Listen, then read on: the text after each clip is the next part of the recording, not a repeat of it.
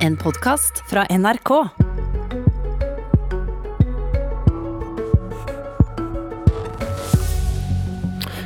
Hva blir konsekvensene av Kjell Ingolf Ropstads fall? Nå kastes Kristelig Folkeparti inn i en ny strid om veivalg, mener Åshild Mathisen. Valgte man feil side i 2018? Det er ingen grunn til en slik debatt nå, svarer Kjell Magne Bondevik.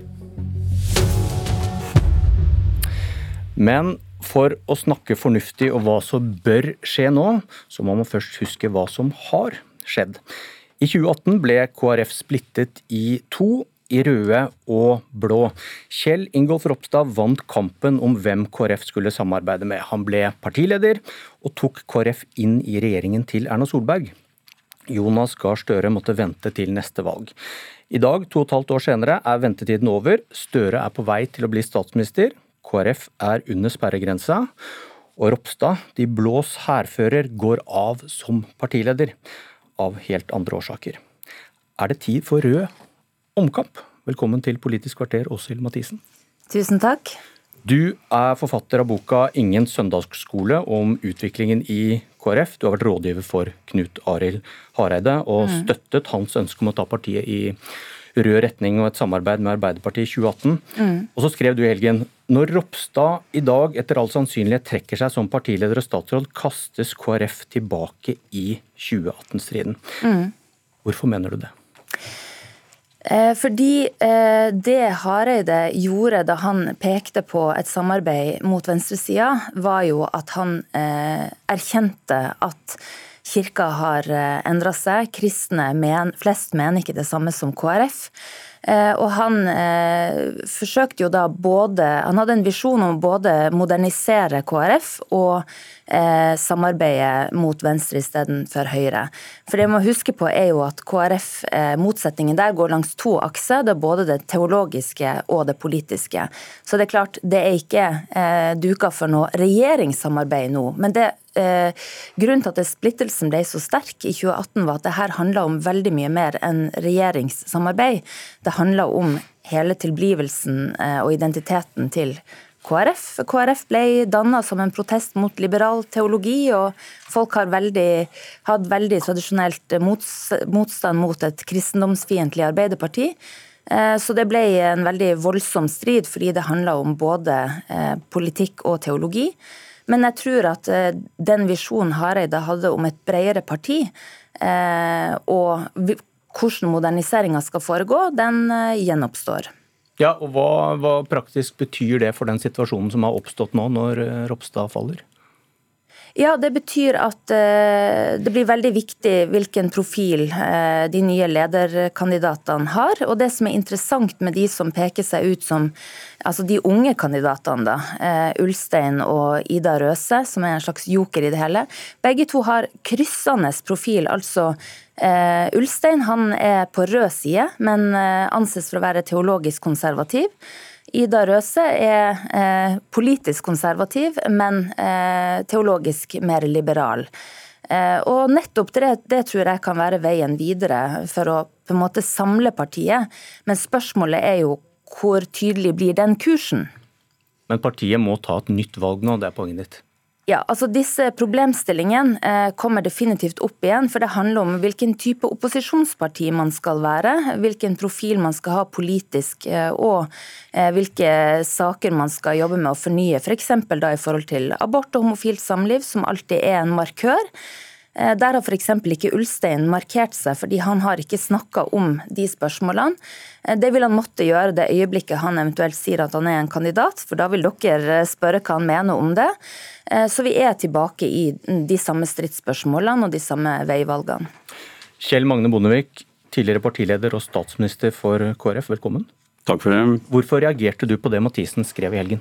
Nei, fordi jeg mener hun henger igjen i noen tidligere problemstillinger som ikke kommer til å bli så presserende nå. For det første, og det er vi vel enige om at det ikke er noen grunn til å ta noen ny regjeringsdebatt nå. For KrF blir i opposisjon og er ikke på vippen heller. Eh, det gir en god mulighet til å samle seg og til eh, å fornye seg. og jeg tror faktisk partiet er det. De motsetningene både langs høyre-venstre-aksen og skal vi si i Kirke-Norge de er jo ikke nye, Åshild. De har vært der omtrent fra partiet begynte. Hvis en går tilbake til stiftelsen, så, så var det blant vestlandske indremisjonsfolk.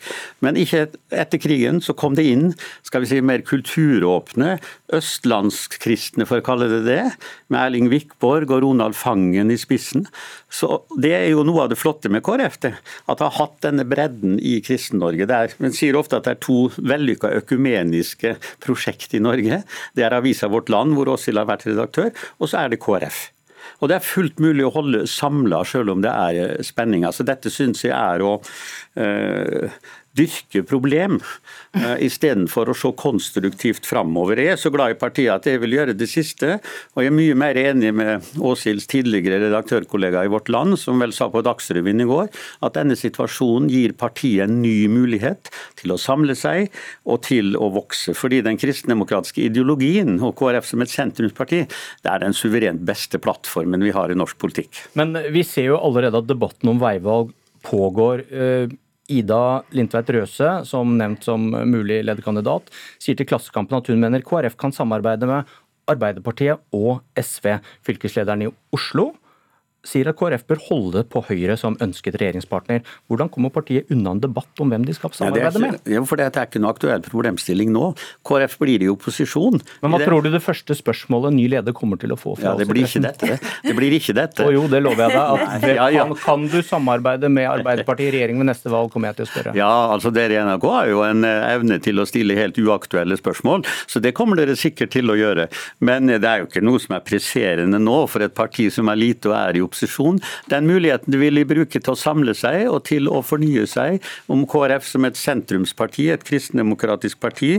Og jeg kjenner partiet så godt, for jeg er fortsatt ganske aktiv der, eh, som er litt i motsetning til Åshild, tror jeg. Så jeg veit at denne samlingen, denne fornyelsen, er det noe som preger KrF. Og det er jo ikke noe unikt for eh, KrF å havne under sperren. Ta et parti som Venstre, da. De har vært under sperren flere ganger i den moderne historien, så har de kommet opp igjen. Og det tror jeg faktisk er en mulighet for for KrF også til å gjøre. Men la meg benytte min anledning til å stille uaktuelle spørsmål. Hva mener du? Bør partiet åpne for å støtte Arbeiderpartiet ved neste valg? Jeg har jo alltid ment det, for jeg støtta jo Hareide sist også. Eh, så det, og det ville være et nytt veivalg, vil ikke det da? Jo. Hvis en ny leder sier det?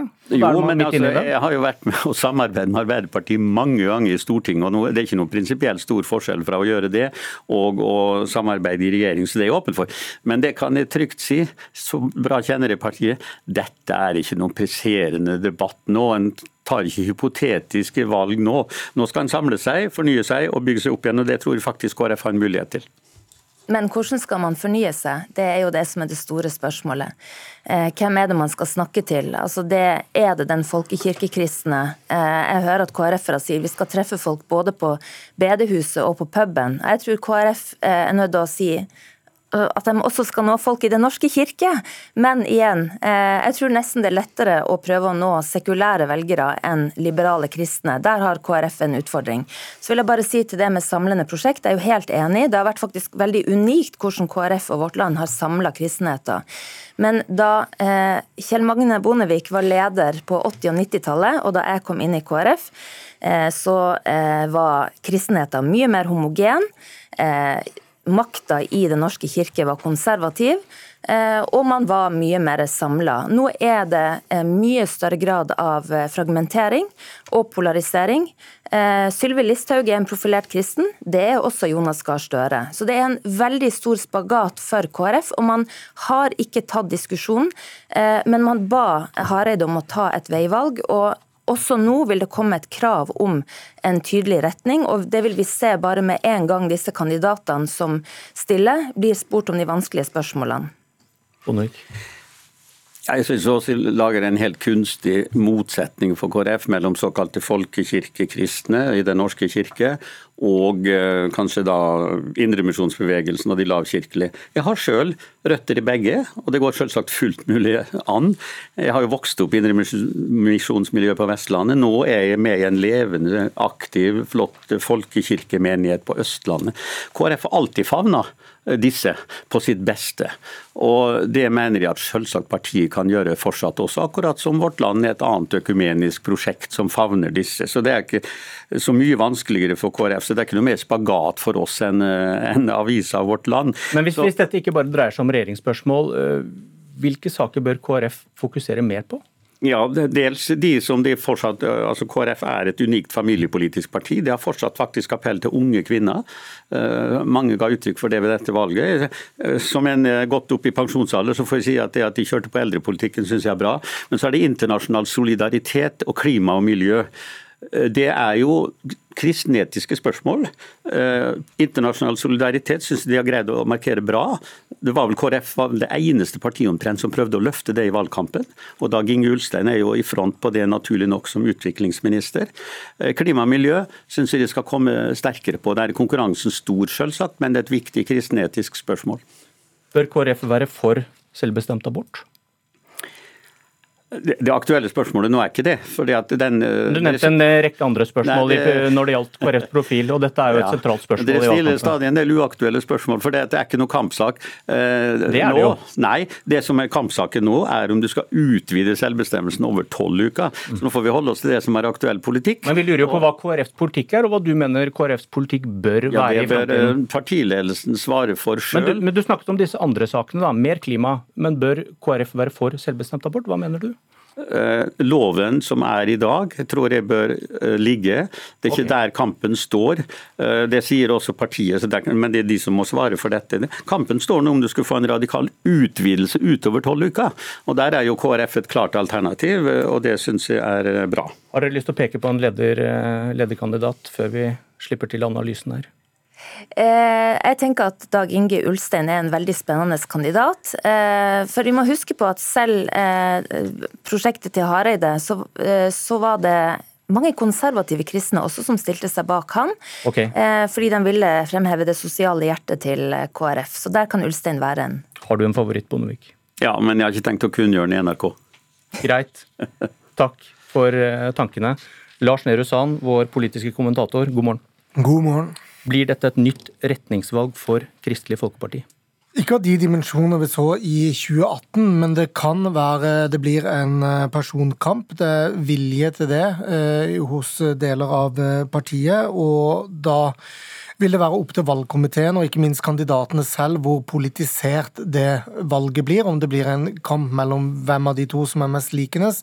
eller om det også blir ispedd en del politiske svar, bl.a. på abortformuleringen i partiprogrammet og, og andre ting eh, politisk. Hvor stor forskjell er det på de to som nå sitter på Stortinget, og som har blitt nevnt som de mest aktuelle, Olaug Bollestad og Dag Inge Ulstein? Begge har jo røtter i to ulike kjerneområder for eh, partiet. Det som skiller de litt, er jo litt personlig profil, hvor Bollestad er kjent for sin folkelighet og Instagram-profil. Hun har nok også det skarpeste nettverket i partiet bredt ut. Hun har den beste plattformen som utgangspunkt som, som første nestleder, og skal fungere i lederrollen eh, litt fremover. Ullestein på sin side har jo bred styringserfaring fra lokalpolitikken og som statsråd, og sto på rød side i, i retningsvalget. Hvordan de de vil spille dette ut politisk, eh, og hvilke saker de vil, vil si KrF skal kjennetegnes av, og, og, hvor politisk de gjør denne debatten, det, det, gjenstår å se. Og selvfølgelig også om begge to klarer å telle hjem at det er noe vits å la dette bli en kamp over tid, eller om den ene trekker seg ganske raskt. Hvordan påvirkes utsiktene til borgerlig samarbeid av det som skjer i KrF nå? Eh, hvis eh, dagens opposisjon, eller de fire partiene som, som har gjort opp budsjett med Erna Solberg, skal gjenvinne et flertall i 2025, så er ikke de andre partiene store nok til å kunne se bort fra Kristelig Folkeparti. Og da er man også avhengig av at KrF over sperregrensen. Så det, selv om det ikke ligger like mye i potten nå for Erna Solberg og Høyre som de gjorde i 2018, så, så er KrF vesentlig på borgerlig side. Og man kan også selvfølgelig se for seg, hvis det blir en Arbeiderparti-regjering alene, noe vi ikke kan utelukke per nå, så vil jo Senterpartiet, KrF, Venstre, Høyre være en konstellasjon man, man kan se for seg i 2025, sånn som det ser ut akkurat nå. Takk, Lars Nehru Sand. Det holdes ekstraordinært statsråd klokka 11 i dag i forbindelse med at Kjell Ingolf Ropstad går av som barne- og familieminister. Førstkommende fredag går han av som partileder, og da samles også landsstyret i KrF. Dette var Politisk kvarter. Jeg heter Bjørn Myklebust.